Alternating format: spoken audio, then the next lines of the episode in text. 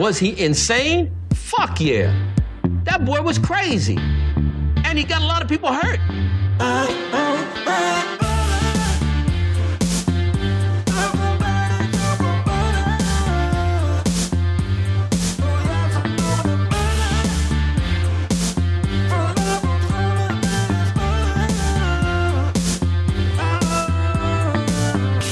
hele goede morgen. What's up, motherfuckers en motherfucker ads. Welkom bij de Badder van de Badder Show. Hartstikke leuk dat jullie nog in leven zijn om het te kunnen luisteren. We zijn er weer, aflevering nummer 559 alweer. Op een zondag in plaats van een zaterdag. Eh, ik kon weer niet op een zaterdag, maar vanaf volgende keer ben ik er gewoon weer bij op een zaterdag. Wat maakt dat eigenlijk de fuck uit? Het is een podcast, man. We hebben een krantje erbij. Eindelijk, wist je nog, vorige week had ik nog een beetje lopen zaken over dat ik die eh, Vrij Weekend Magazine, dat is de extra katern die je krijgt bij de Leidse Dagblad, geen ene reet avond, omdat allemaal van die fucking nietszeggende ehm, artiesten, zangers en acteurs op de cover staan. Nou, ik neem alles, alles, alles terug. Want deze week staat niemand minder dan Katja, a.k.a. S- Schuurman op de cover. En eh, mijn, het moederschap heeft mij niet veranderd. Met andere woorden, je bent nog steeds een fucking geil, lekker wijf. Dat klopt. Katja, enige echte sekssymbool in Nederland. Dik shout-out naar Katja Schuurman en naar het Leidse Dagblad voor het fixen van eh, Katja Schuurman voor de cover. Ik heb nog niet naar de in de binnenkant gekeken. Ik hoop op een hele, hele, hele leuke fotoshoot. Maar we sluiten vandaag af met... We sluiten deze podcast af zoals ik vroeger altijd mijn nachten af... Mijn eh, dagen afsloot alleen in mijn bed. Met plaatjes van Katja Schuurman. Even kijken, wat hebben we vandaag? Het is vandaag Moedersdag. Dikke shout-out naar alle moeders ter wereld. Mails, ook oma's, ook allemaal dikke shout-out. Veel plezier. Ik, eh, Elke dag is eigenlijk Moedersdag, zeg je dat toch? Ik, ja, Moederdag. Ik, eh, wat is de oorsprong eigenlijk van Moederdag? Het zal wel een of andere commerciële dingetje zijn. Maar het, het is nooit slecht om een keer gewoon een bosje bloemen te kopen voor je ma. Dus ik zeg, eh, doe dat. Eh, dat is dus de cover voor alle moeders. We hebben een hele fotocollage gemaakt van allemaal moeders. Ik ben benieuwd of de Playboy en de Penthouse een, eh, een MILF-editie hebben dan voor Roze op de zondag. Maar we gaan even kijken wat we allemaal hebben deze week. Strandpost voorlopig niet open. Uiteraard zullen weer waarschijnlijk een hoop corona-nieuws zijn. Routes thuis, douchen en voldoende chloor in bad. Zwembaden hebben nog een week nodig. Ja, dat is natuurlijk het nieuws van deze week. We gaan weer geleidelijk beetje bij beetje open. En ehm, ik denk dat er een hoop mensen daar eh, wel op zaten te wachten. Voor mij, eh, ik toch, zoals het al zei, maakt het er geen reet uit. Qua werk dan. Ehm, wel qua, qua comedy en dat soort shit. Dat mis ik wel. Eh, maar dat, dat is nu even niet belangrijk. Maar eh, we gaan een beetje bij beetje weer open. Dat is mooi. Ehm, de ene sector is wel blij, de andere sector is niet blij. Dus eh, dat is Philippe, wat bijvoorbeeld nog niet open gaat. De kappers en dergelijke. De scholen gaan weer open. De kappers, nagelstudio's, et cetera. Die gaan dan allemaal vanaf juni weer open. Samen met als dan weer 30 mensen in de theaters en de horeca. Dat wordt dan uitgebreid in juli met 100 mensen. Maar wie niet blij zijn, zijn de sportscholen. Dat vond ik best wel vet. Dat was niet vet, maar ik vond de reactie vet van de, van de um, brancheorganisatie. Die van, waarom gaan wij pas in september open? Wij zijn net zo hygiënisch als ziekenhuizen. ik dacht, ja, jullie wel. Motherfuckers. Ik snap wel dat alles gewoon even een beetje kut is. Dat jullie eh, sportscholen, dat jullie even nu gewoon heel veel leden verliezen en dat het gewoon een fucking kut situatie is. Maar dat is een kut situatie voor heel veel mensen. Maar nu weten jullie hoe het is. Nou is het dus, nou verdienen sportscholen een keer geen geld met mensen die niet aan het sporten zijn in plaats van andersom. Al die jaren hebben jullie lopen teren op, op, op uh, mensen met goede, met goede voornemens en uh, heel weinig doorzettingsvermogen. Nou, ik, uh, ik, ik wens, dus hopelijk hebben jullie nou heel veel doorzettingsvermogen en heel veel, Ik hoop dat jullie heel veel naar Bear Grylls hebben gekeken... en dat jullie wat met je survival skills kunnen doen. En anders tovert Margaret er wel ergens in uh, een potje vandaan. Maar vooral, ah, maar jullie zijn niet hygiënischer dan ziekenhuizen. Doe even normaal, man. Ik, ik, heb een keertje, ik heb een keertje echt geschreven staan bij Fit Free. En ik dacht, ja, dat is... Jullie zijn niet hygiënischer dan sportschool. En ten eerste, je bent, als je aan het sporten bent, je bent aan het hijgen, zweten, uh, lichaam verdampt, et cetera. Dan is anderhalve meter niet genoeg. En dan is dat ene, dat ene spreetje en afnemen wat je doet met een doek niet genoeg om... Uh, om, om, um, je begrijpt wat ik bedoel, te doen. Dus dat. Maar oké, okay. eh, nou, patronen mooi. Ja, Mark Rutte, we moeten onze eigen mondmaskers gaan maken allemaal. Dus ik ben heel erg benieuwd naar wat voor designs al die motherfucking hipsters weer gaan komen. Er gaat weer een hele nieuwe, nieuwe markt gaat er komen natuurlijk. Jippe Janneke mondkapjes en dat soort shit. En niet zo lang geleden hadden we het nog over de boerkaverbod. En nu ben ik vraag ik mij dus echt oprecht af. Mag je dus een hoofddoek dragen met een mondkapje? Want dat is in tactisch, praktisch gezien gewoon een niqab. Maar daar zullen ze waarschijnlijk wel wat voor gaan verzinnen. Dan mogen vrouwen met een hoofddoek alleen maar een kaap dragen met, uh, weet met een jodenster erop. Om duidelijk te maken van dat het geen niqab is. Of gewoon mondkapje erop zo. Of gewoon zo'n kruis erop, weet je, dat uh, vrouwen niks mogen zeggen. Ja, dat is wel een statement als je echt een statement wil maken. En een paar klappen op je bek wil krijgen. Aan slag met je eigen wasbare mondkapjes. Anticondensspray en andere tip. Ook in Nederland is overstag. Alleen met een mondneuskapje kom je vanaf 1 juni nog het openbaar vervoer in. Ah ja, dat is dus dat ding. Daar moet je wel zelf voor zorgen. Dus aan de slag. En dan zul je net zien dat al die motherfuckers gaan ze allemaal mondkapjes bestellen bij... Of... Uh, gaan ze allemaal mondkapjes bestellen bij, bij, uit Wuhan. En die komen dan allemaal hier naartoe. Weer een nieuwe uh, weer een nieuwe coronagolf. Oh ja, nou in ieder geval, je kan gewoon, dus het is, het is nog net zo moeilijk. Nou, het Leidse Dagblad legt ons uit hoe je een mondkapje moet maken. De zwaarste periode in 100 jaar voor het KLM. Mensen in huishouden houden, in huishouden om kansen te grijpen. KLM gaat fucked up. KLM is de shark. Is KLM al 100 jaar, joh. Dat is wel netjes. KLM staat praktisch stil als gevolg van de coronacrisis. Duizenden banen staan op de tocht in een crisis die president-directeur Pieter Elbers ongekend noemt. De KLM-topman, die maandag 50 wordt, moet de luchtvaartmaatschappij door de zwaarste periode in een 100-jarige geschiedenis lozen. Oh ja, dat is die motherfucker die, uh, die, uh, die toch nog zijn uh, bonus zou gaan krijgen of zoiets. Terwijl het bedrijf gewoon in een fucking crisis is.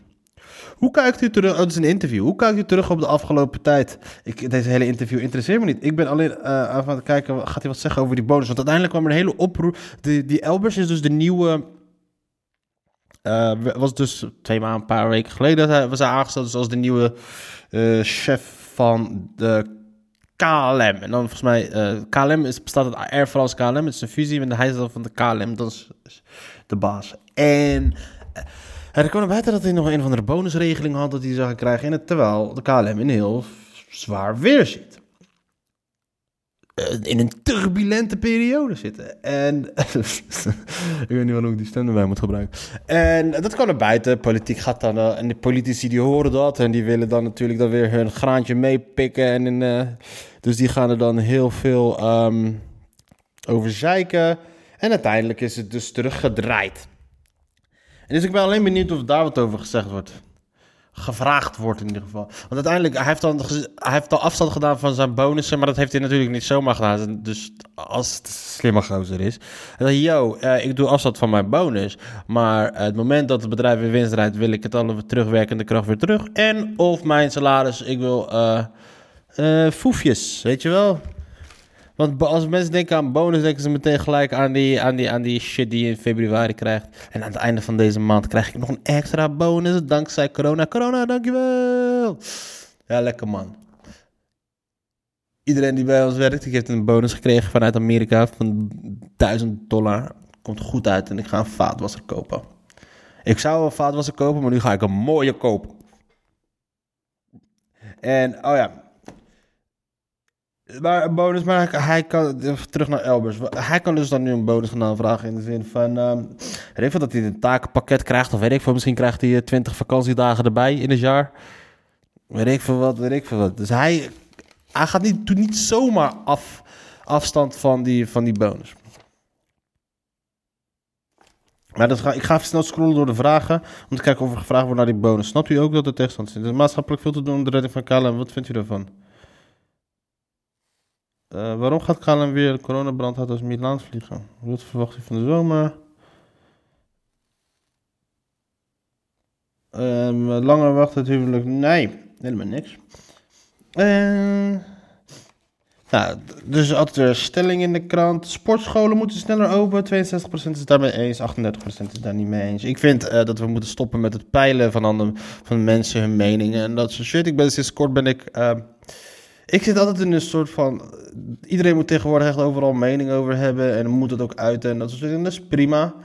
Maar er is een hele cultuur gekregen, de cultuur erbij gekomen door, door het internet natuurlijk, dus forumcultuur. Zo, en dit is ook om mensen bij, bij, je, bij, je, bij, je, bij je medium te betrekken natuurlijk. En ik merk steeds wel dat ik me steeds... Aan de ene kant vind ik het leuk om reacties te lezen op YouTube, op internet, omdat het hilarisch is. En aan de andere kant uh, irriteer ik mij daar mateloos aan, aan, um, aan aan mensen en, hun mening. Zoals ik al zei, mening is net een anus. Iedereen heeft er één. Het is niet mijn woord, maar ik heb dat ooit een keer gelezen. Fuck jouw mening. Oké, de rechtbank is coronaproof. Oké. De verdachten worden via... Oh ja, dus waarschijnlijk alles wordt gelukkig via de, via de webcam gedaan. Maar dat is best wel vet. Dan kan je lekker van onder je bureau je middenvinger opsteken naar het Openbaar Ministerie. Fuck you, bitch. Ziekenhuisbacterie ZMZ houdt zich koest. Ja, dat komt omdat hij respect heeft voor corona. Joodse restaurant weer doelwit van agressieve man. De 31-jarige man die vrijdagochtend is aangehouden op verdenking van het vernielen van een ruit van het Joodse restaurant Ha Carmel in Amsterdam is in 2018 door de rechter ook al veroordeeld voor verdieling aan het restaurant. De man sloeg destijds ruiten in met een knuppel en stal een vlag uit de etalage van, van het restaurant. Dit keer zou hij een ruit met een stalen buis hebben vernield en een Israëlische vlag uit het restaurant in brand hebben willen steken. De agenten gebruiken pepperspray toen zij de agressieve verdachte arresteerden, meldde de politie. Omdat het restaurant vanwege de coronacrisis gesloten was, was er op het moment van de vernieling niemand aanwezig. Nou kijk, Um, het is een Joodse restaurant. Wat doet een Israëlische vlag daar? Weet je, als je die restaurant gaat willen... Uh, ik ga daar verder lezen. Want, uh, de nieuwe aanval op restaurant Hakamel is verschrikkelijk en waardeloos, vindt justitiemedewerker Grapperhaus. Hij wil ook aan de slag tegen het antisemitische uitingen die er meer zijn van allerlei idioten op social media. Het Centraal Joodse Overleg meldt dat deze vernieling zo kort na 4 mei een grimmige reminder is dat 75 jaar na de bevrijding antisemitisme nog steeds in springlevend is. Vijf incidenten in twee jaar zijn geen toeval meer. Geen verwarring, geen willekeurig vandalisme. Geen willekeurig vandalisme. Ik wil niet uitsluiten dat het antisemitisme is. De kans is natuurlijk best wel heel erg groot dat het antisemitisme is. Maar als ik uh, de advocaat zou zijn van uh, deze mafcase, die, die, van die, deze 31-jarige mafcase, dan zou ik zeggen: Yo, luister eens. Um, wat heeft het met antisemitisme te maken? Ik heb die, hij heeft die ruit ingegooid omdat hij een he hekel heeft aan Israël. Hij zag daar de Israëlische vlag daar en hij werd woedend. En daar kunnen we allemaal van wat van vinden. Maar voor hem staat Israël ergens voor. Voor hem staat Israël voor dit en dit en dit en dit en dit en dit en dit. En hij is het daar niet mee eens. Hij. Daarom, dat is de reden waarom hij uh, die ruit in heeft gegooid. En die vlag eruit en die vlag uh, kapot heeft gemaakt. Hij heeft geen hekel aan Joden. Waarom zou een hekel moeten hebben aan Joden? Het gaat om Israël. Het ging hem om die Israëlische vlag die daar in dat ding zit. Ja. En ik vind trouwens, als jij gewoon een Israëlische vlag in je, shit zit, dan verdien je gewoon een baksteen door je, door je ruit heen. Ja.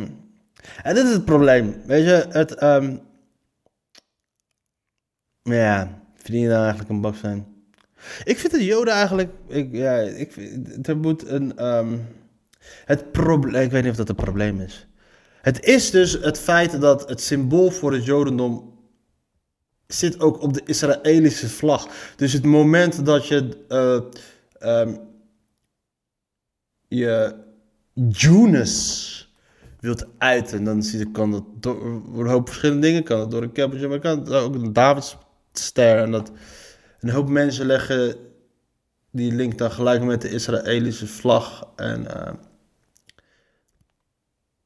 dat zijn allemaal domme mensen. Ik, probeer niet goed te praten wat ze aan het zeggen zijn, maar ik. ehm, maar het hoeft, niet met, niet per se antisemitisme te zijn, het kan ook gewoon antisemitisme zijn. Da- daar zou ik het op gooien als ik de advocaat van deze man zou zijn. Weet je, ik. ehm, het is alsof je dan iets in. in, ehm, ik irriteer me ook mateloos bijvoorbeeld bij je dat bij Ajax al die Israëlische vlaggen daar. Weet je, ik doe what the fuck. Ehm, en dan allemaal verontwaardigingen dan opeens als iemand dan zegt, als wie niet springt, die is een Jood, wordt geroepen en dat soort shit. Oh, oh, oh, oh. En dan, kijk wat er wordt gedaan daar.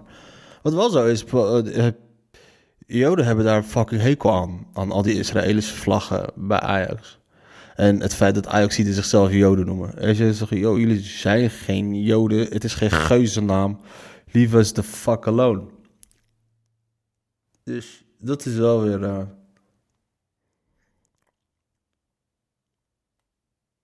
We moeten met een ander scheldwoord komen voor Ajaxiden. Als je zegt kankerjoden, dan heb je zoiets van... Yo, yo, yo, yo, ik bedoel het niet zo. Ik heb gewoon... eh, ik ben van Feyenoord. Ah, oké. Dan is het geen antisemitisme meer. Maar dus dat. Maar hoe, ga je, hoe word je ook gepakt met een steen gooien? Ook 75 jaar na de bevrijding. Van, waar ook trouwens een hele om was. was ehm, het was een hele heisa. Op Twitter is er een heisa. En, en ik snap niet dat kranten dan zeggen... Twitter explodeerde na. XXX, pitje, pitje, pitje. Volgens mij, eh, G- Grunberg, dat is volgens mij een dichter. En die heeft eh, een 4 mei speech gehouden. En daarin had hij het dus over Marokkanen. En ehm, dat kwam volgens mij ergens te sprake. En ehm, mensen werden boos. En eh, ik ga even dat stukje erbij pakken. Het is echt een. eh, ik zit op YouTube nu. Het is echt een hele ding van 21 minuten. Dat ga ik niet kijken. Ik ga geen 21. Mijn speech van schrijver Arnold Gunberg maakte de afgelopen dagen veel los. Vooral zijn zin over Marokkanen als de nieuwe Joden werkte als een rode lap voor velen. Politicus Joost Eertmans was een van die mensen. Schrijver Abdelkader Benali voelde zich er juist door gesterkt. En het is ook logisch dat als er gesproken wordt over bepaalde bevolkingsgroepen op een manier die doet denken aan de meest duistere periode uit de 20e eeuw, als dat gewoon is geworden, er vroeg of laat op die manier ook weer over Joden gesproken kan worden. Voor mij was het van het begin af aan duidelijk. Als ze het over Marokkanen hebben, dan hebben ze het over mij.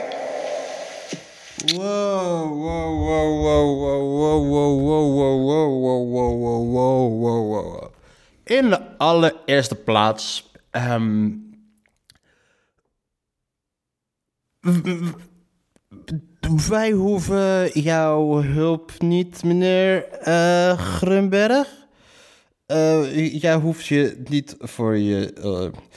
kijken. Hey, ik, dit is voor het eerst trouwens dat ik zie. Weet je wat? Ik dacht eerst, ik ga hier geen 21 minuten naar luisteren. Maar fuck it, ik ga het wel doen. Als ze het over Marokkanen hebben, dan hebben ze het over mij. Nee, nee, nee, nee. Wij hebben jouw hulp niet nodig. Wij hebben niet iemand nodig die namens ons gaat spreken en of voelen en of zich ook met ons solidair aangesproken gaat voelen. Dat ten eerste, dude, fuck jou. En ten tweede, we hebben het hier over de dodenherdenking. Ja, alsjeblieft, leg geen link tussen wat de Holocaust en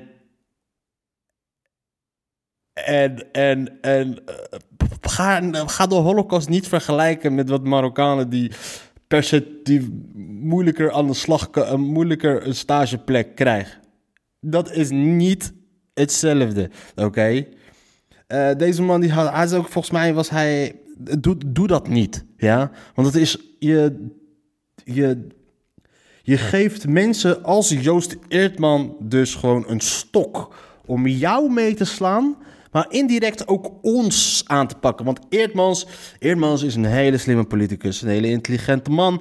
En eh, hij houdt er bepaalde ideeën op na. Weet je. ehm, ik wil niet zeggen dat hij een racist is. Maar als hij, maar als hij de keuze zou hebben, dan zouden hier veel minder Marokkanen en moslims zijn. Dus laten we het daarop houden. Maar je, geeft, je brengt dat soort mensen gewoon weer in het nieuws. En je geeft hun gewoon de kans om niet alleen jou aan te spreken op dingen.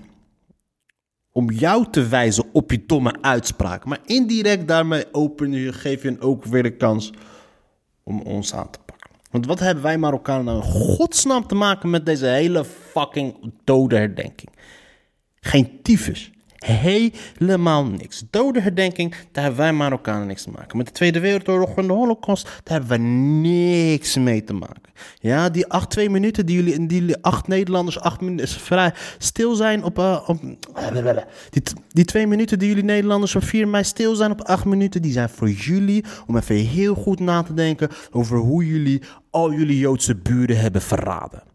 Dat is jullie tijd, ja? Dat is jullie downtime. Neem het ervan reflecteer en hou ons erbuiten, ja? Net zoals eh, de Zwarte Pieten discussie, B. Dat is allemaal jullie probleem. Hou ons erbuiten. En ik snap best wel dat die, wat die Grunberg wel bedoelt. Maar, gast, wij zijn, ik ben geen Anne Frank. Niemand, weet je, vergelijk het er niet mee. Doe dat niet. Vergelijk niet. En volgens mij was hij ook, die Grunberg heeft ook een keer eh, Geert Wilders vergeleken met Adolf Hitler. Dude, what the fuck doe je? Geert Wilders is een racist, tuurlijk. Maar hij is geen Adolf Hitler. Je, ten eerste, je... Volgens mij is het een godwinnetje, weet je. De, discussie is gewoon dood. Klaar, oké. Wie, wie- gaat er een discussie hebben met iemand die met zo'n belachelijke eh, vergelijking komt? Weet je, en, de me- mensen die voorstander zijn van geld, ze hebben dan groot gelijk om dan te zeggen yo, fuck jou, hoe moet ik weten dat jij met, met de goede bedoeling een discussie aangaat met mij? En ten tweede, eh, je overdrijft heel sterk. eh,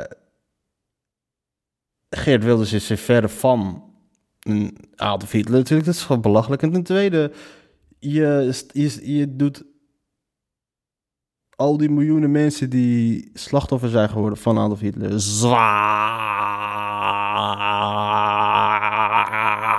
tekort. Don't do that shit, man. Maar oké. En ah, Ben Ali is er ook bij natuurlijk, dus... Ah. Ik vond Ben Ali leuk toen ik ook programma's deed. Het begin van zijn boeken is cool. Hij is een aardige gast. Maar ehm, ik heb de laatste tijd dat al die Marokkanen in de media allemaal een beetje aan het doordraaien zijn, man. Is echt tijd voor nieuwe mokros in de media, man. Echt zwaar tijd. Maar we gaan verder. Arnon, Ja. Ik heb nooit gezegd dat Marokkanen de nieuwe Joden zijn, hè? even voor alle duidelijkheid. Dat heb ik niet gezegd, dat is echt een foute parafrase. En dat is ook niet wat, wat je duidelijk moet opmaken, wat ik heb gezegd. Maar ik heb wel gezegd, ik doe ook op de antisemitische e-mails... die ik met gereg- geregeld heb gekregen die tijd dat ik eh, acht jaar lang... voor de Volkskrant een column schreef op de voorpagina. En eigenlijk zodra ik het had over de PVV of het Forum voor Democratie... kwamen de e-mails binnen met de antisemitische ondertoon. Wat Ja, oké, maar dat heeft niks te maken met. Ook dat heeft niks te maken met de Tweede Wereldoorlog of met wat dan ook. Dat is gewoon. Eh, A, een prominent, een, althans prominent, een eh, publiek figuur zijn. En B, het internet.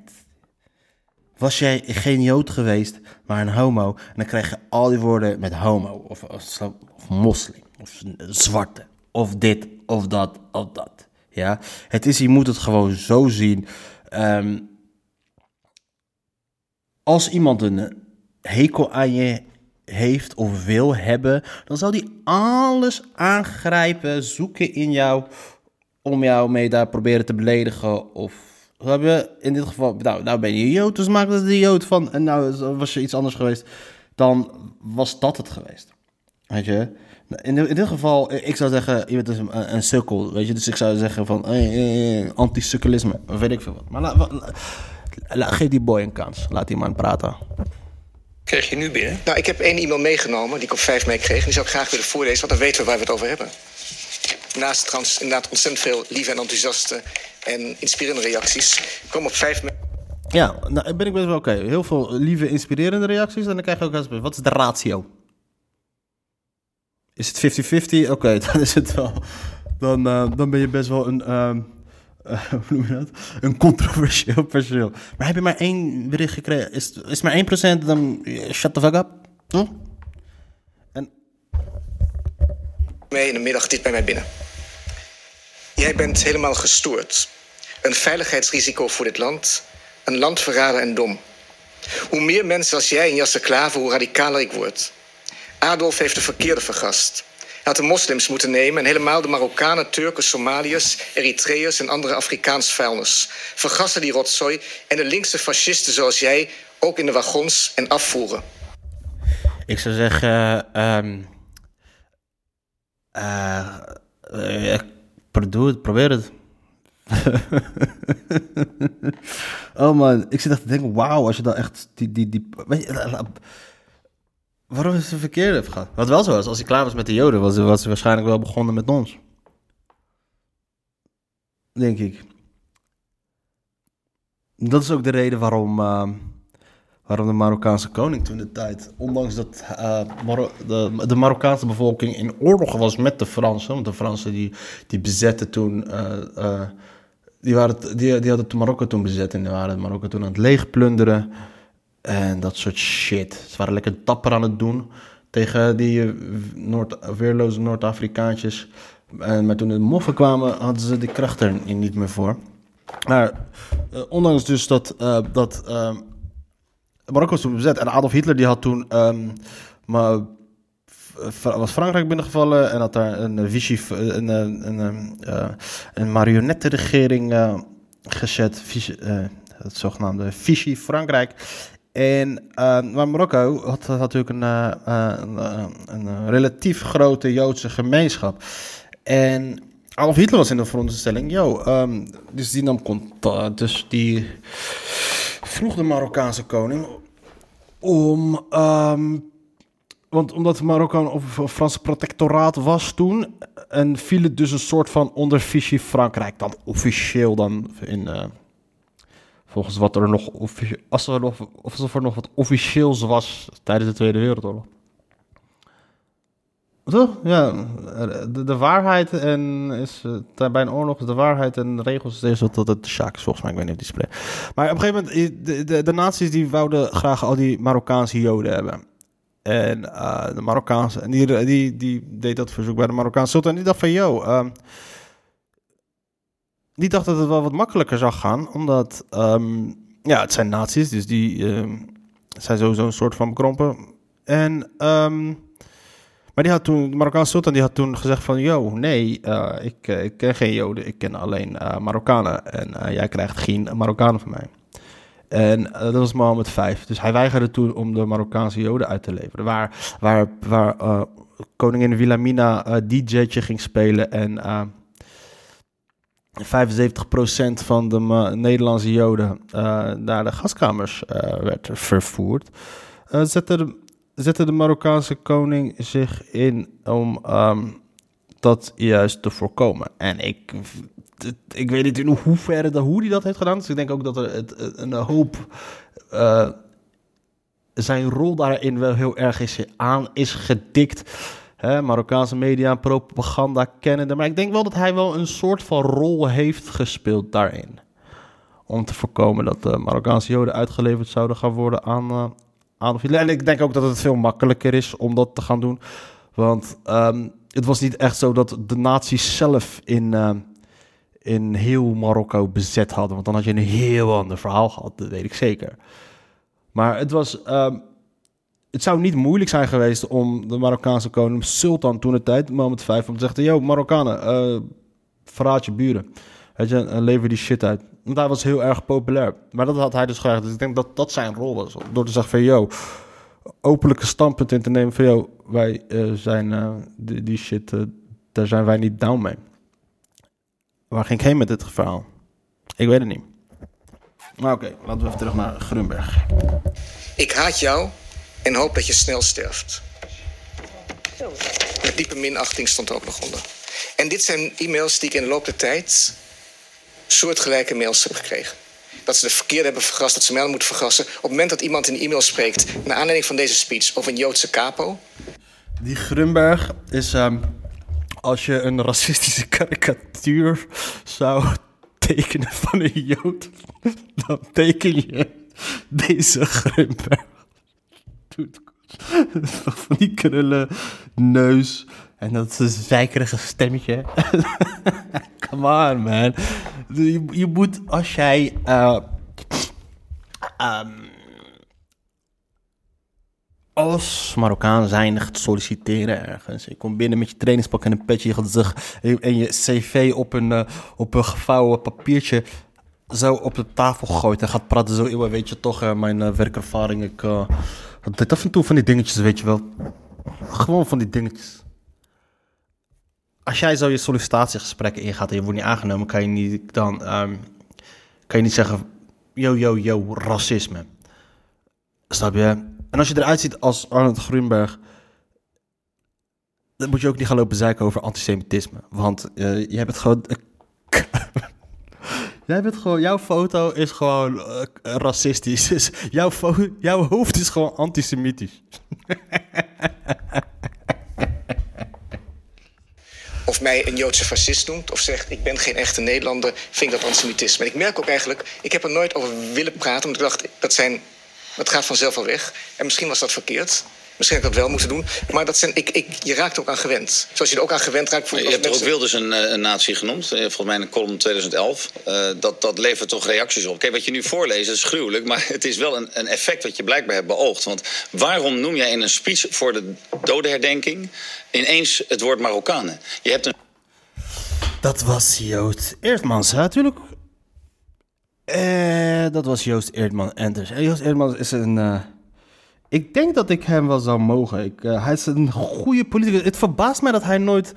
Um, dat hij niet. Ik ben blij dat hij dat niet is. Maar dat hij niet groter is dan hij nu is. Hij is wel heel belangrijk in Rotterdam. Maar dat hij dat niet is uh, in de Nederlandse politiek. Want hij heeft. Uh, zijn presentatie is goed, zijn uh, verwoordingen zijn goed. Hij, hij, is heel duidelijk in waar hij voor staat. En dat kan ik wel waarderen in, in, bij politici. Weet je, uh, Philip de Winter en bij. Uh, die is gewoon heel openlijk. Uh, gewoon, en heel openlijk racist. Weet je, en, ik zeg niet dat, dat Joost Eertman een racist is, maar het, hij is geen. hij is geen Famke maar laten we het daarop houden. Maar ik kan het wel waarderen gewoon, dat mensen gewoon heel erg duidelijk zijn in wat ze vinden en wat ze, wat, wat ze willen. Weet je, in tegenstelling bijvoorbeeld dat Geert wilde zei vooral Thierry Baudet. Dus en ik, wat ik ook wel in hem waardeer is dat hij, hij is wel echt uh, wel van, de, van zijn principes. Want hij is, uh, hij is volgens mij nog steeds van leefbaar Rotterdam. Hij, heeft, hij, heeft, hij is niet meegegaan met al die golven van PVV en met um, de Forum voor Democratie, die in principe wat, wat, wat leefbaar Rotterdam wat, wat, wat leefbaar Nederland met Pim Fortuyn heeft opgestart en daarna is voortgezet door de uh, eh, LPF overgenomen is door Wilders en nu weer wordt overgenomen door Baudet. Hij is wel gewoon gebleven daar waar hij is begonnen en waar hij voor stond. En dat, kan, dat, um, dat, waardeer ik wel, eh, dat waardeer ik wel in die man. Ik denk, ik ga er wel echt wel vanuit dat hij uh, wel hele goede bedoelingen heeft. En um, ik denk gewoon dat hij gewoon vooral heel... Um, meer nostalgisch is dan racist, denk ik. en... En hij heeft Abu Talib wel gewoon een eerlijke kans gegeven. Dat, uh, dat, uh, dat, uh, dat is prijzenswaardig. Maar hij, hij, hij opent hier gelijk met vuur. Yo, jij, jij noemt Wilders een, een, een, een neonazi. Je bent zelf Joods, man. Hoe... hoe, hoe, hoe um, dan, dan, dan, je, je doet echt een... Um, ik wil niet zeggen jouw mensen, maar je, je doet jouw familie gewoon zwaar tekort. En, en ja, en waarom begin je over Marokkanen? En dat is voor hem dan die entree. Oké, we gaan nu het hebben over Marokkanen. Ja, waarom begin je eigenlijk over Marokkanen bij de dodenherdenking? En ik... We gaan... Een gruwelijk, ik, vond het een, ik zat geboeid te luisteren. Je hebt een heel aangrijpend verhaal verteld. Het begon met de Oberscharführer, het verhaal van me- meneer Vos en de, het vreselijke zigeunergezin eh, enzovoort. En dan ineens komt die zin en dan heb je het over eh, bepaalde bevolkingsgroepen. Je komt met Marokkanen en vervolgens zeg je ook nog eens... eh, er, zijn dus een, er ligt een speciale verantwoordelijkheid op, op, de, op de schouders van politici. Jij noemt Baudet Wilders gif niet. te laten zijn. Ja, om het gif. Dus je combineert het, de hele jodenvervolging met eh, hoe mensen met Marokkanen omgaan. Dan denk vraag is eigenlijk, nou ja, waarom... Daar heeft eh Eerdmans een punt. Op het moment van de dodenherdenking herdenk de doden, herdenk de gruwelijke van de Tweede Wereldoorlog. En ga niet in, niet in dezelfde zin, ook niet in dezelfde alinea, of in dezelfde context, of in dezelfde speech, zelfs niet in dezelfde week. Heb het niet over mensen als Thierry Baudet en Geert Wilders. Dat is niet waar het om gaat. En ze kan, je kan die parallellen ook niet trekken met, met Adolf Hitler. Doe dat niet. Doe, doe, doe, dat niet. Je geeft je, ehm, je, je, je fokt de discussie op. Die op, volgens mij sinds, die op geen discussie is toch, volgens mij. Ik bedoel, sinds wanneer zijn wij Marokkanen weer... Godverdomme, man. We, het is drie maanden alleen al eh, corona dit, corona dat. Eh ik, ik, ik, eh, het, enige, het enige wat op een gegeven moment was het. eh Thierry Baudet, die, eh, die probeerde toen weer even een nieuw leven in de Marokkanen discussie te blazen. Met die hele bullshit met die, met die, met die, met die trein. Krijgt hij heel Nederland over zich heen. En dat, die, die, die fase zijn we toch al wel voorbij. Toch? Het gaat wel weer terugkomen, want coronacrisis gaat voorbij. Er gaat alles. eh eh, we- cri- coronacrisis gaat voorbij, economische crisis gaat voorbij. De, de, we, gaan, we, gaan, we komen in een recessie. Dus er gaat het een en ander wel eh, weer eh, terugkomen, weet je? Don't call it a comeback. It's been here for years. Maar het is nu even, het is de afgelopen tijd is het wel wat minder. Maar vooral het belangrijkste is, eh yo, spreek niet namens ons, man. We hebben je niet nodig. Echt niet. En dit zullen wel goede bedoelingen zijn, maar don't do it, man. We hebben je niet nodig. Geen enkele Marokkaan heeft die, geen enkele Marokkaan weet wie je bent. Meneer Groenberg. Kom op, man. Maar oké. Nederland. je die Nee, maar het is Marokkanen? niet, ik vind het A, ongepast. Hè, om dat te doen op een, op een dag van nationale eenheid. Dat je zo gaat uithalen, van politiek gaat uithalen. Sorry, sorry meneer Ekmans. 4 mei is geen neutrale dag. Nou, dat, We ik, we vind dat, ik vind dat een dag van nationale eenheid. Ik vind dat we Het dat is- met elkaar vieren. Zeker, we vieren met Ja. elkaar. Maar als het een dag van nationale eenheid zou zijn... dan zouden we ook de jongens Eh dodenherdenking eh, vier je niet, eh, heren. Eh, die eh, herdenk je. Daar sta je bij stil. Vieren is... eh, Oké. Moeten herdenken die in het Oostfront zijn Ja, maar ik vind dat we schouder aan schouder moeten staan. Dat is mijn herdenken. definitie. Dus we herdenken, van- Ja. herdenken de Ja, slachtoffers. Maar we staan schouder aan schouder. Dat zijn we denk ik met laat even de heer Eertmans zijn punt. Mijn punt is, niemand in Nederland, niemand in Nederland wil Marokkanen opsluiten, Marokkanen vervolgen, omdat ze Marokkaan zijn. Nie- Ah, ah, eh, Joost. ehm, niet zeggen niemand. Oké, niet zeggen niemand. Niemand wil dat ze een bepaald park niet in mogen. Niemand wil dat. Het enige wat we willen is gedrag. Het gaat altijd om gedrag. En dat wordt besproken. En dan En dit is de opening die je, ehm, die je hem hebt gegeven. Met deze zin. Het gaat weer over gedrag. Het gaat weer over ons gedrag. Het gaat weer over dat we moeten dit, we moeten dat, we Marokkanen moeten... En dat is de opening die je mensen als Joost Eerstman hebt gegeven met je domme, domme, domme speech. Je wilt voor ons opkomen, maar het gaat. Maar nu zit ik hier, moet ik weer... Ik weet het wat het riedeltje is, gaat aankomen, maar... weten we gewoon dat Marokkanen, helaas, vooral de jongens, nogal veel vaker crimineel zijn dan de autochtonen. Dat Maar u voelt dat zich dus aangesproken maar door mijn de speech. probleem is, als Ja. Abu Talib het zegt, is het fantastisch, gaat de dikke linkse duim omhoog. Als ik het zeg, Wilders, Baudet, noem het maar, Leef Rotterdam, dan hebben we een probleem met Dat is een eh, punt. Maar dat is ook de reden dat, eh, dat Abu Talib... Maar dat is toch ook normaal, toch, eh, Joost Eerdmans? Ik bedoel, als ik... eh, eh, als, als, als ik jouw kind een map geef, is heel anders dan als jij jouw kind een map geeft, toch? Dus het is heel anders. Ehm, als je Baudet, Geert Wilders en, en ik weet niet in welke mate jij het zegt, dat komt uit een hele andere levenswereld dan wat als Abu Talib het zegt. Weet je, nou, voor Abu Talib is voor een hoop Marokkanen hij een soort van landverrader, bla bla bla bla bla bla. Omdat hij gewoon uh, in principe gewoon shit zegt die oudere generatie Marokkanen ook altijd zeggen. Yo, schop ze in elkaar, schop ze het land uit en dat soort shit. Maar wat Abu Talib zegt, yo, als niet bevalt, flikker toch lekker op. Dat is wat, maar, dat is wat de oudere generatie ook zegt. Maar um, voor ons, omdat, omdat hij dat zegt, is hij voor sommige mensen een soort van snitch en dan bla bla bla bla.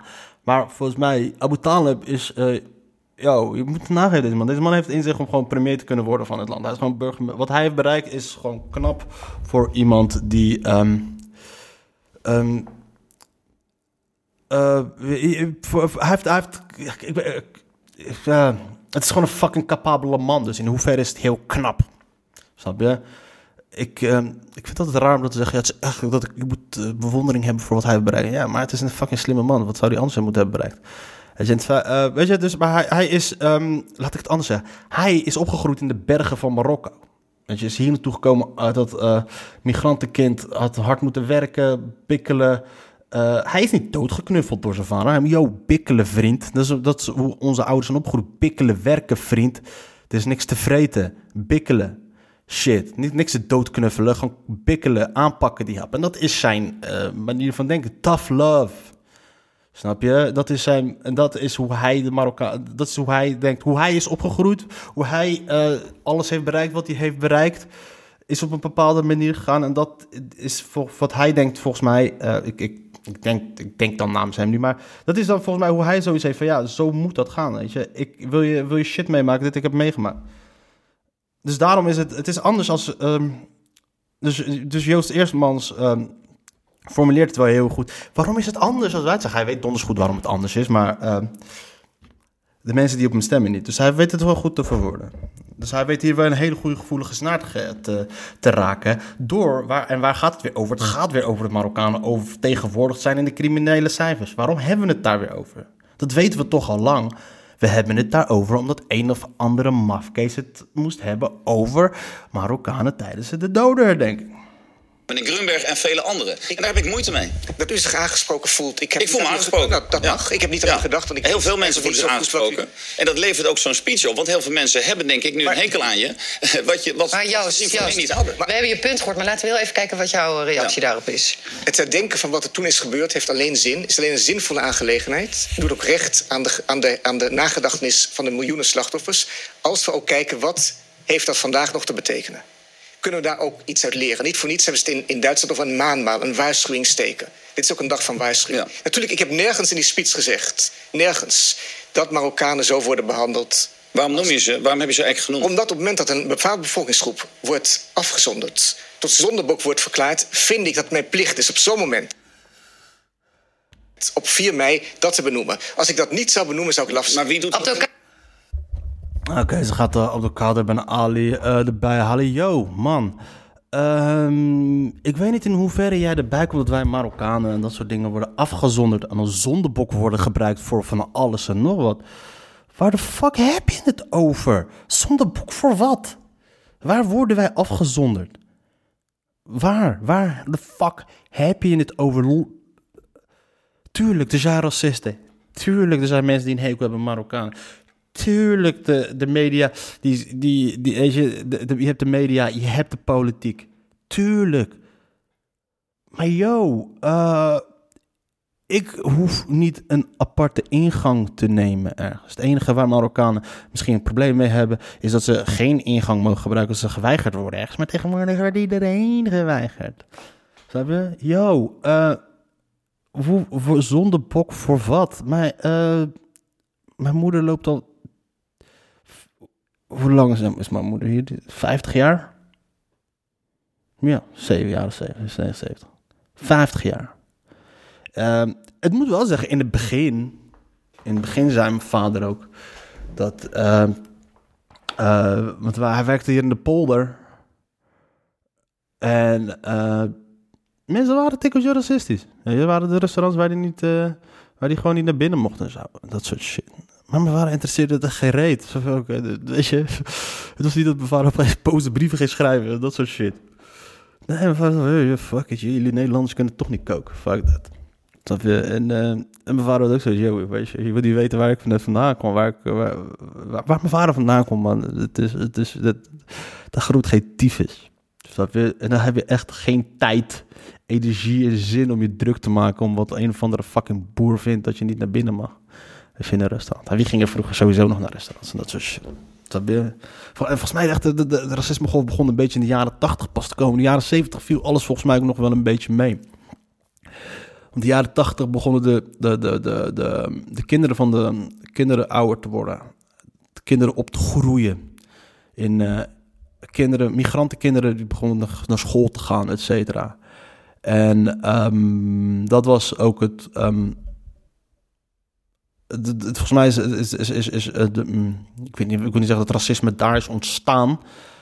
Maar daar is pas dat het echt dat de bepaalde gemeenschappen daarmee te maken ging krijgen. Want um, plus A, maar, maar de, eerste generatie had daar niet zoveel moeilijk. Die te druk met hard werken. En um, dus die waren niet die crimineel, die waren niet op, op, die groeiden niet op in achterstand. Weet je, opgroeien in achterstand, et cetera, met te veel in een huis zitten. Dat is, dat is een voedingsbodem voor criminaliteit. Criminaliteit is een van de voedingsbodemen voor racisme en discriminatie. En, uh, maar dat had de eerste generatie had daar geen last van. Want die had uh, niet het luxe om uh, gevoelens te hebben, als het ware. En um, ik dwaal weer af. Ze zeggen dat in de ochtend dat je brein op het beste werkt, maar ik dwaal het de tweede keer dat ik afdwaal. Maar oké, ze gaan naar Abdelkader Benali. Ik ben benieuwd naar wat de fuck hij weer vindt. Omdat er weer een Marokkaan bij zit om te zeggen van... Yo, als hij een man is, hoop ik dat hij gewoon zegt... Luister eens, uh, de dodenherdenking gaat ons geen tyfus aan. Uh, als jij um, problemen hebt met hoe... Uh, dit, dat, hou ons Marokkanen er buiten, ja. En, ja, maar weet je wat het is? Ja, precies. Oh ja, Arnold Grunberg. Yo, niemand, geen enkele Marokkaan vraagt jou om namens ons te spreken. Ja, we hebben genoeg mensen... De, de, ik, ik, ik vind het ook een beetje denigrerend ook. Weet je, dat je denkt dat wij iemand nodig hebben om voor ons te spreken. Ik, um, alsof wij dat zelf niet kunnen. Waarom, waarom zouden we... Misschien, oké, okay, misschien omdat hij denkt van... Yo, ik heb nu het nationale podium, ik moet dat gaan aankaarten. Maar... Ja, yo, dude we. Ja, weet je wat? We gaan. Uh... Kader Benali. Een momentje. Abdelkader Benali, hoe heb jij gereageerd? Wat vond jij ervan toen je de Arnon uh, de, de speech zag geven? Nou ja, eh, als ik zo kijk naar de tafel, ik vind het gewoon heel moedig. Want je mag eigenlijk in dit land mag je niks over Marokkanen zeggen. Zodra je opkomt voor Marokkanen, dan heb je jezelf uitverkocht. Dan, en 4 mei uh, je mag niks zeggen over Marokkaan. Je mag niks zeggen wat positief is over Marokkanen. Maar aan de andere kant zegt ook... je mag niks zeggen over Marokkanen van politiek links. Aan de andere kant is je mag niks zeggen op te komen voor Marokkanen van politiek rechts. Dude, wat de fuck, waar heb je het over? Wie zegt dat je niks mag zeggen over Marokkanen? En dit geldt voor beide partijen. Je mag positieve shit zeggen over Marokkanen, maar je mag geen positieve. En je mag negatieve shit. Het gaat er niet om dat hij opkomt van Marokkanen, maar het gaat om de fucking context, Abdelkader Benali. Je bent een fucking schrijver, je weet hoe belangrijk de context is. En natuurlijk, het triggert. Het triggert een hoop raza's aan. En dat weet Joost Eerdmans. En daar speelt hij op in. Is de dag zo heb ik het ervaren, dat het nationale, dat, dat het geweten spreekt. Van, van de mens, van het individu. Voor jou voelt het als steun? Voor mij is 4 mei is een dag van, dat staat alles op scherp. Het gaat namelijk over, wat is de les die we kunnen trekken uit een historische gebeurtenis, namelijk de Tweede Wereldoorlog, Holocaust. Heeft voor mij met vrijheid te maken. En voor mij betekent vrijheid, veiligheid voor mijn dochter. Ik, ik heb 40 jaar werk ik nu aan het project. Hoe zorg ik ervoor dat mijn dochter veilig is in Nederland? In Ja, hoe zorgt Abdelkader Ben Ali ervoor dat zijn dochter geen Anne Frank wordt? Wat heeft, wat heeft dat ermee te maken met 4 mei? Iedereen, elke vader in Nederland, elke vader van een dochter maakt zich zorgen om de veiligheid van zijn dochter. Abdelkader Ben Ali, daar ben jij niet speciaal in. En volgens mij hebben Nederlanders voornamelijk een hekel aan Marokkaanse jongens en niet aan Marokkaanse dames. Maar Marokkaanse vrouwen doen het gewoon heel erg goed. Een dikke shout-out naar alle mokro vrouwen, moeders, zusters, allemaal. Shout-out naar mijn zusters. Ja, gewoon. Zij zijn de enige, zij zijn de enige die, die, die, die... Zij zijn de, de contrabalans. Voor alles wat wij fucked up doen, doen zij goed. Dus een shout-out naar onze Marokkaanse zusters. Maar bij Avocado Ben Ali... Ik, ehm, oh man. Er moet echt gewoon een razzia worden gehouden in, in, in Hilversum. En al die kut Marokkanen. En heb je het, Avocado Ben Ali, je bent een fucking schrijver, een succesvolle schrijver, programmamaker. Je mag aanschuiven bij de grootste talkshow van Nederland. Je, eh, zoals je zegt, je werkt al 40 jaar hier in dit land. Eh, wat is er gebeurd de afgelopen 40 jaar? Wat voor denk jij dat er Hey, 40 jaar, 40 jaar heb je het over. Ik ga even luisteren naar wat deze mafkist te zeggen heeft. Europa. Als, als, een, als een prominent auteur, collega als Arno Grunberg zegt... wij moeten nooit individuen gelijkstellen met de groep... Precies. dan applaudisseer ik daarvoor en ben ik even stil. Dan ben, dan ben ik even stil, laat ik op inwerken. Ik zet mijn, mijn sociale media aan... En wat zie ik? Een ongelofelijke haat. Ik snap het niet, Nederland. Want ik snap het niet. Als jij het niet snapt, uh, volgens mij Joost Eertmans, die er net gaan inspringen, die gaat je haar fijn uitleggen waarom het gezegd is. Maar Abdelkader Benali, als jij het niet snapt, dan... Uh, onlangs na, na wat je, dan, dan, ben je, ja, dan ben je minder slim dan je denkt. Maar ik denk ook dat dat de reden is waarom ze hem hebben gehaald. Want hij gaat zeggen, ik snap het niet. Ik dit. Dat is natuurlijk emotionele televisie. Ik snap het niet. Oh, waarom? Hij roept op, dit en dit. Hadden ze mij gevraagd. Yo, brother, um, uh, wat vind jij hiervan? Ik zeg, yo, uh, I don't give a fuck. Uh, het interesseert geen enkele Marokkaan wel, denk ik. de enige Marokkanen die het wat zou kunnen schelen is denk ik Abdelkader Benali en zijn moeder. En... Uh, ja, dit is zoals ik al zei, dit is niet onze ding, maar Abdelkader Ali, die... die wat, wat, wat doet... Moet je een bepaald type persoon zijn om te kunnen slagen in, in Hilversum? Of um, verander je daarin?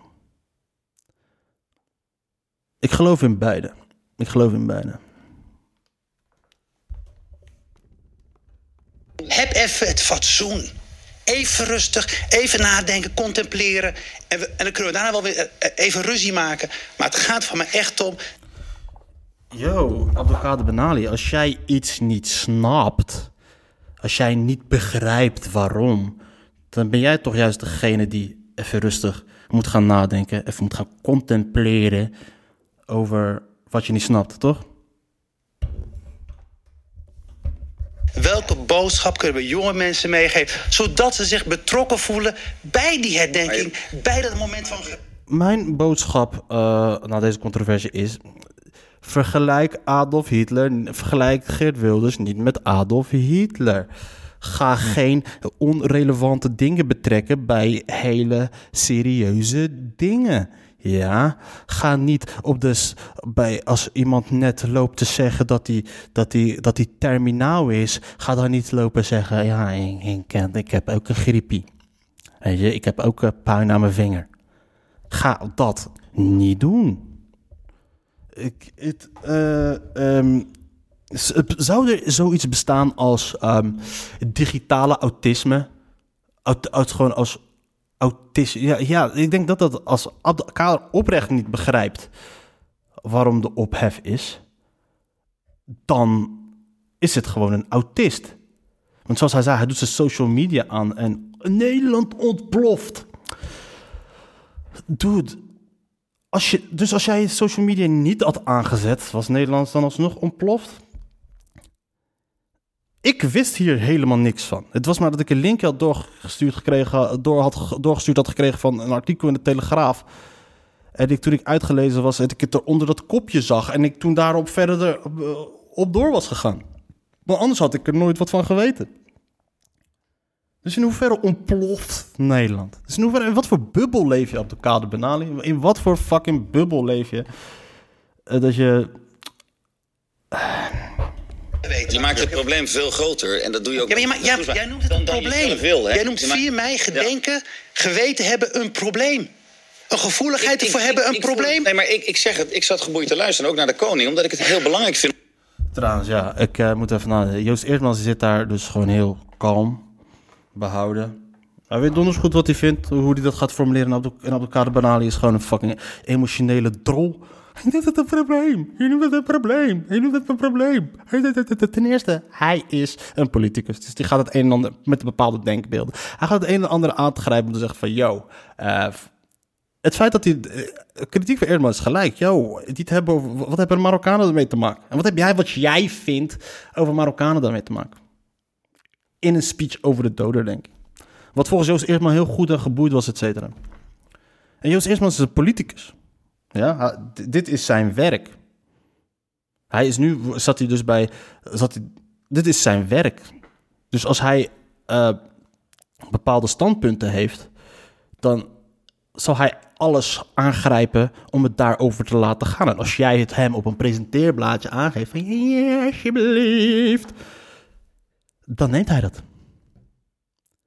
En als Abdul Ali niet begrijpt dat Joost Eerstman dat doet en waarom hij dat doet, dan denk ik dat. Dan is Abdelkader Ben Ali ook gewoon een intellectuele autist. Dan is hij dus. dus, dus je zou zeggen, schrijvers zijn intellectuelen, maar ik vraag me af in hoeverre Abdelkader Ben Ali dat dan is. Of hij is gewoon heel veel te emotioneel. Snap je? Maar je bent een schrijver. Je, zit, je brengt heel veel tijd door met je gedachten. Dan heb jij genoeg tijd gehad om over dit soort shit na te denken. Om je af te vragen, oké, maar waarom? Je probeert heel meelevend en meegevoelig te zijn, te verplaatsen in andere mensen. Nou, verplaats je eens in, uh, in, uh, in uh, Joost Eertmans. En ik wil niet zeggen verplaatsen als in dat ik begrip voor hem heb, maar begrijp wat zijn motivering is. En dan zou je ook zoiets van, ja, oké, ik begrijp waarom dit, dit, dit is gebeurd. Ik begrijp de explosie en ik begrijp waar het is gebeurd. Ik begrijp dat. Ik, dus ik begrijp dat mensen boos zijn geworden op social media. Want het is social media. En iedereen die op, vooral op Twitter zit, die zit daar om op te zeiken. Het is voornamelijk alleen maar negatief. Het zijn allemaal dingen waarvan je denkt van ja, oké. Okay. Uh, waar hebben we het? Dat zijn allemaal dus dingen, als je die allemaal doorneemt, dat je aan het einde van de rit denkt, onderaan de streep, zoiets hebt van ja, oh ja, oké. Waar de fuck heb ik het over? Ik heb echt heel veel tijd besteed aan geen tyfus om met elkaar, met elkaar stil te staan bij zo'n, met zo'n verschrikkelijke herinnering. En je had gruwelijke voorbeelden daarin. Waar het misgaat is als jij eigenlijk uit de bocht vliegt... door het, het politici aan te wrijven dat ze over een Marokkanenprobleem praten... waarmee niemand zegt, zoals wat je wel in je toespraak deed, hè, de jodenvervolging... Het, het begin met een woord, het begin met een woord... Dat is precies wat politici niet doen. Er is geen politicus in Nederland die zegt... wij moeten Marokkanen weren. Wij zeggen alleen, er is een probleem binnen de... Uh, jawel. Um, Geert Wilders heeft, die, uh, die, wat, die, die heeft het wel vaker gezegd. En uh, Thierry Baudet ook wel. Zou het ook een jodenprobleem hebben? Het is heel simpel. Vervang het woord Marokkanen, vervang het woord moslims door jood. En zou je het ook gebruiken? Ja. Als je het niet zou gebruiken, dan moet je het op die manier er niet over Nee, maar het is Wacht even één... Ja, maar vervang jij, uh, jouw, vervang jij 4 mei met um, uh, 8 augustus en vervang jij uh, je dodenherdenkingsspeech met uh, gewoon een artikel op je post op je Facebook. En dan heb je ook niet al deze reacties, uh, Grunberg. Laat u me nog even uitspreken, alstublieft. Ik weet nog, ik hier zat bij een talkshow... en op een gegeven moment werd er over het Marokkanenprobleem gesproken. Ik durfde niet te zeggen dat ik dat buitengewoon onaangenaam vond... want ik zou niet in een talkshow willen zitten... waar er zo over het Jodenprobleem wordt gesproken. Je zet mensen weg als ondermensen. Je moet het niet doen. Natuurlijk zeg ik niet... Dit Maar dat, daar, dat is waar. Daar heeft hij een punt. Maar, zoals ik al zei, dodenherdenking is niet het platform daarvoor. Het is niet de Weimar maar het- Republiek. Het Derde Rijk staat niet. Er komt nu geen De verschrikking van de Maar oorlog was. moeten- Nee, maar de verschrikking van de oorlog was dat, wat jij zelf ook zegt, Zigeuners, eh, Roma, eh, Joden werden niet gezien als individuen, maar als groep. Ze moesten weg en ze moesten verdwijnen. Dat is niet hoe men praat in Nederland, politiek, over problemen binnen de Marokkaanse gemeenschap. Eh, nou, Joost Eertmans. ehm wel, als er iets veralgemeniseerd is, dan is het wel het integratiedebat. Dat is de meest algemene discussie aller tijden. Snap je? Want ehm, Joost Eertmans zou zeggen, beweren van dat de integratie mislukt is. Geert Wilders beweert dat ehm, dat, dat de multiculturele samenleving mislukt is. Dat, dat Thierry Baudet beweert dat en al die Mongolen die op hen stemmen. Maar hoe kan je iets zo algemeen veroordelen, beoordelen, wat duidelijk per individu kan verschillen? Snap? Ik bedoel, hoe kan je zeggen dat integratie is mislukt als ehm, ik, ik neem aan dat, dat als bijvoorbeeld laten we zeggen Hassan wel gewoon geïntegreerd is. Dus volgens jou is de voor hem hij, hij is gewoon geïntegreerd toch? Maar dan zeggen ze ja, maar de oververtegenwoordiging in de dit en dit en dit en dat. Maar dat is een hele fucking zinloze discussie over integratie. Dan ga ik over wat wel of geen integratie is. Allemaal fucking bullshit. Weet je, maar wat ik wil zeggen is, oké, die mensen, Joost, als Joost eerst maar Geert wil, zullen zeggen, ja, het is een kleine groep. Oké, dus omdat volgens hun een kleine groep niet geïntegreerd is, betekent dus dat de hele integratie dus mislukt is. Weet je, dat is hetzelfde als eh, als je uit de klas van 30 leerlingen zijn er twee gezakt. Betekent dus dat dan dat de hele klas gezakt is, of betekent dat dat 28 leerlingen wel zijn geslaagd? Dat is dus dat hele discussie. Eh, dus Joost Eermans, of was het maar zo dat het per individu werd behandeld, dan zou, dan zouden, de, als jij, eh, de- dan zou het heel... Die discussie kan je nog eens op individueel, op individueel niveau voeren. Dus je ziet al voor je dat Geert Wilders in de Tweede Kamer. Ja, maar Hassan, Hassan LC, die zet erbij, bla bla, dit, bla, bla, bla, die... die er wel zijn en die we allemaal kennen, want in Joost, feite liggen op tafel. ja. Daar moet je het over kunnen hebben. Als we aankaarten wat de problemen van de multiculturele samenleving zijn, wil ik niet worden weggezet door jou als racist. Da, da, da. Daar is de masterplan van Joost Eertmans. Hij heeft de kans zo goed aangegrepen om uiteindelijk nu in de slachtofferrol te kruipen. Hij heeft het gewoon gejitsu'd. Hij heeft gewoon een jiu-jitsu gedaan bij die Arnold Grunberg. Van oké, ja, hey, eh, er zijn feiten, er zijn problemen, bla bla bla bla. bla. Ik wil daar, ik wil, hey man, ik wil gewoon, hey man, ik wil, ik wil gewoon zeggen wat er is. En dan worden mensen zoals jij die zegt dat ik racist ben. Alleen omdat ik gewoon zeg, wat, omdat ik gewoon de feiten aanspreek, ben ik nu opeens een racist? Is dat het? Je bent gewoon gejitsu'd. Gewoon ge- pam pam. Met z'n twee tegen één, ze konden er nog ineens aan. Gewoon gejitsu'd, bam. Nu lig jij op de grond. En nu moet jij jezelf verdedigen. Terwijl jij in eerste instantie, bepaalde mensen hebben allemaal verwerpelijke ideeën. Zouden zij zich moeten verdedigen voor hun, eh, voor, hun mis- eh, voor, voor, voor wat ze vinden, voor wat ze zeggen, toch? Dat is toch, als jij iets vindt dat mensen eh, verwerpelijke shit zeggen... en je, wilt ze, en je roept ze in het openbaar ter verantwoording... Of je, of, je, of je wijst ernaar in het openbaar. De, meest normale reactie is dat die mensen zichzelf gaan verdedigen. Van, yo, luister eens, dit en dat en dat. Maar einduitslag is uiteindelijk dat Grunberg zichzelf nu moet gaan verdedigen op wat hij heeft gezegd. Missie Grunberg niet geslaagd. Dus je bent gewoon niet geslaagd, je hebt gewoon gefaald in wat je hebt gedaan.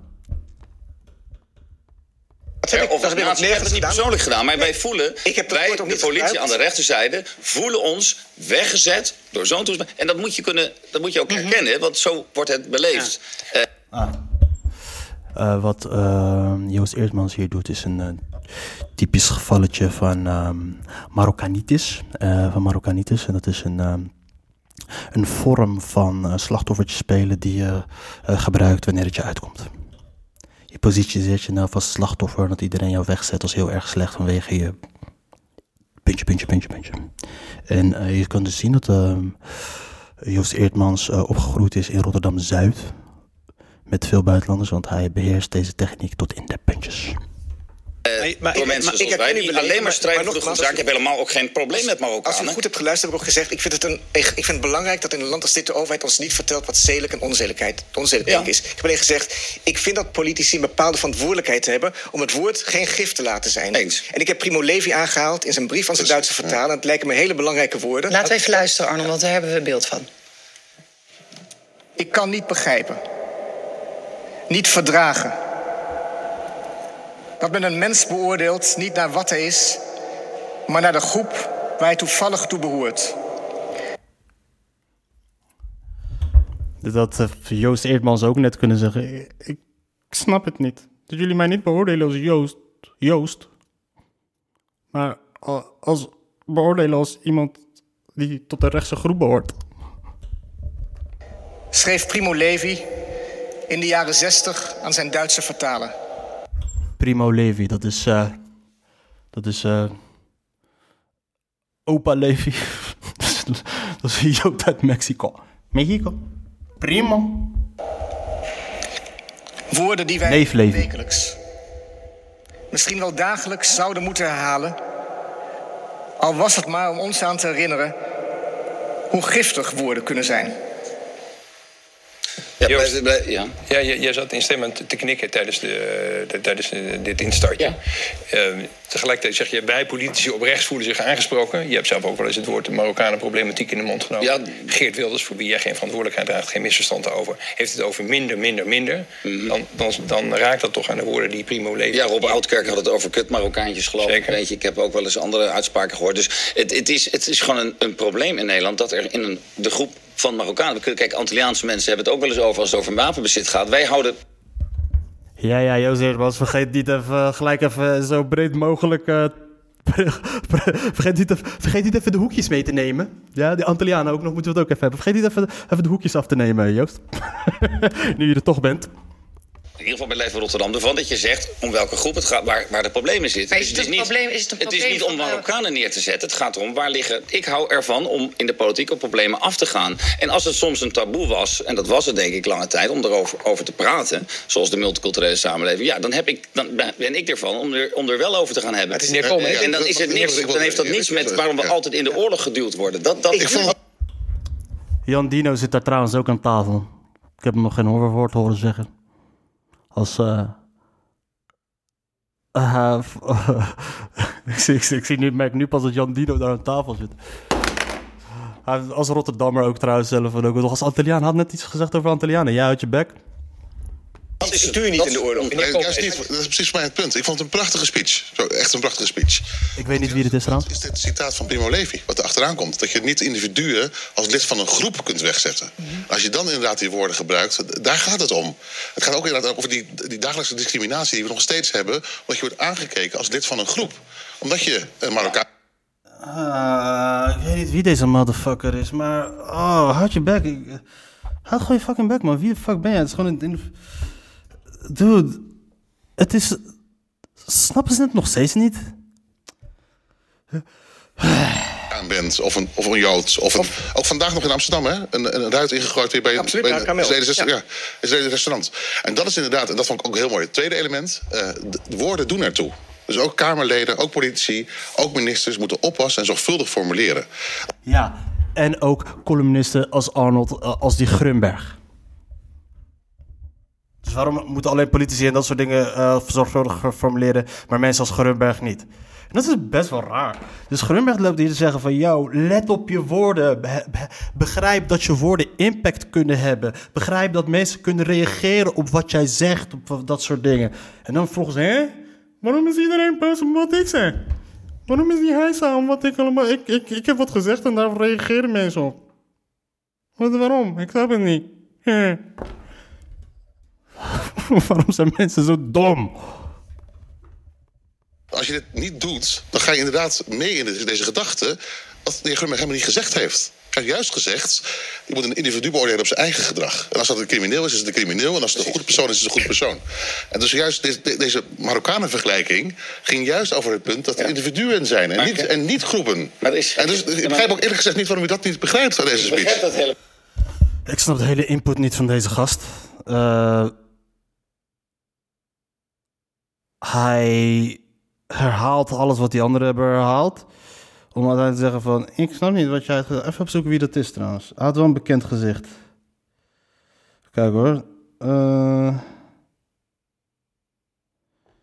even kijken, wie is dat dan joh? Ik ga even opzoeken op de website van... eh, maar ja, dus hij is ook. Maar Joost Eersman die speelt het gewoon echt geweldig goed uit. Hij heeft eh, voor alle eh, gewoon even precies gedaan wat hij wil gaan doen. Hij heeft dus ehm, eh, kritiek gehad op, die, op, ehm, op een linkse columnist. Hij heeft ehm, eh, eh, kunnen zeiken op. eh, hij, heeft, heeft kunnen, heeft kunnen het, het, eh, Marokkanen-probleem aan kunnen kaarten. Eh, en tijdens het aankaart heeft hij ook nog even die okko met die antis meegenomen. En hij heeft ehm, zich rechts als slachtoffer gepositioneerd. En iets, dat is iets wat ehm, eh, rechts heel graag doet. Wat dat betreft, lekker ze niet de. Eh, weet je, en ehm, dat is wat rechts heel graag doet. Zichzelf eh, in, de, in, de, in, de, in de underdog-positie positioneren, als slachtoffer po- positioneren. Ja, maar hoezo? Mensen haten ons om wat we denken, om wat we zeggen. Snap je? Het is taboe. Zie je dat? Die mensen willen niet hier dat jij gaat lopen zeggen, die linkse columnist, et cetera, et cetera, et cetera. Hij heeft het perfecto mundo uitgespeeld. Even kijken, wie is deze motherfucker? Ja, wat ik, hoe ik ga opzoeken, ik ga naar de website van Op1. En dan ehm, op, op één gemist. En dan kun je naar de fragmenten kijken. En dan zie je helemaal losse fragmenten. En dan zie ik dat het dus Wouter Koolmees. Oh, dus hij is Wouter Koolmees. Dus minister van Sociale Zaken. Oké. Eh, D66 uiteraard. Als de VVD was geweest, die had het never nooit gezegd. Oké. Dus ja, voor hem ook een momentje. Dus als Wouter Koolmees, jij als politicus... Ik snap niet waarom jij hebt gedaan wat je hebt gedaan. Snap je, Ben Ali? Ik ben helemaal niet eens met wat hij doet. Ik vind het belachelijk wat hij doet. Ik vind het raar, idioot wat hij doet. Maar toen ik erachter kwam... Oh, hij is zelfs de vicepremier.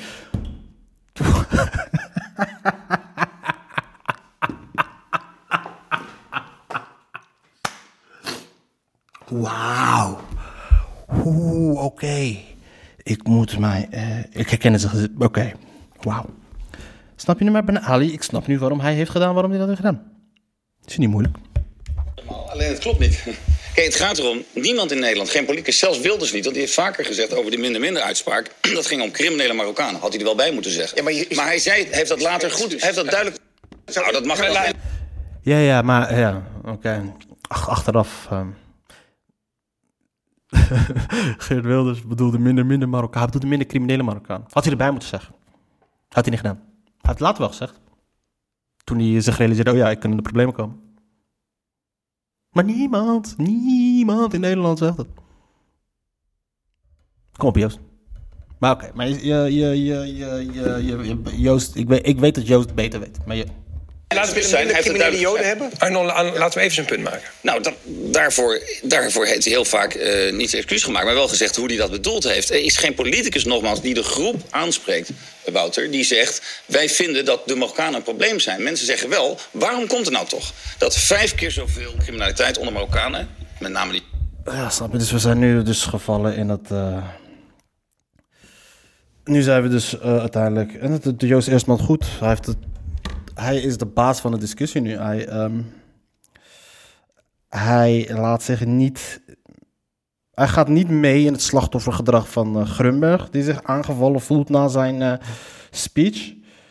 Hij... ehm, laat, hij laat de discussie gewoon gaan over waar hij wil dat, dat het over gaat.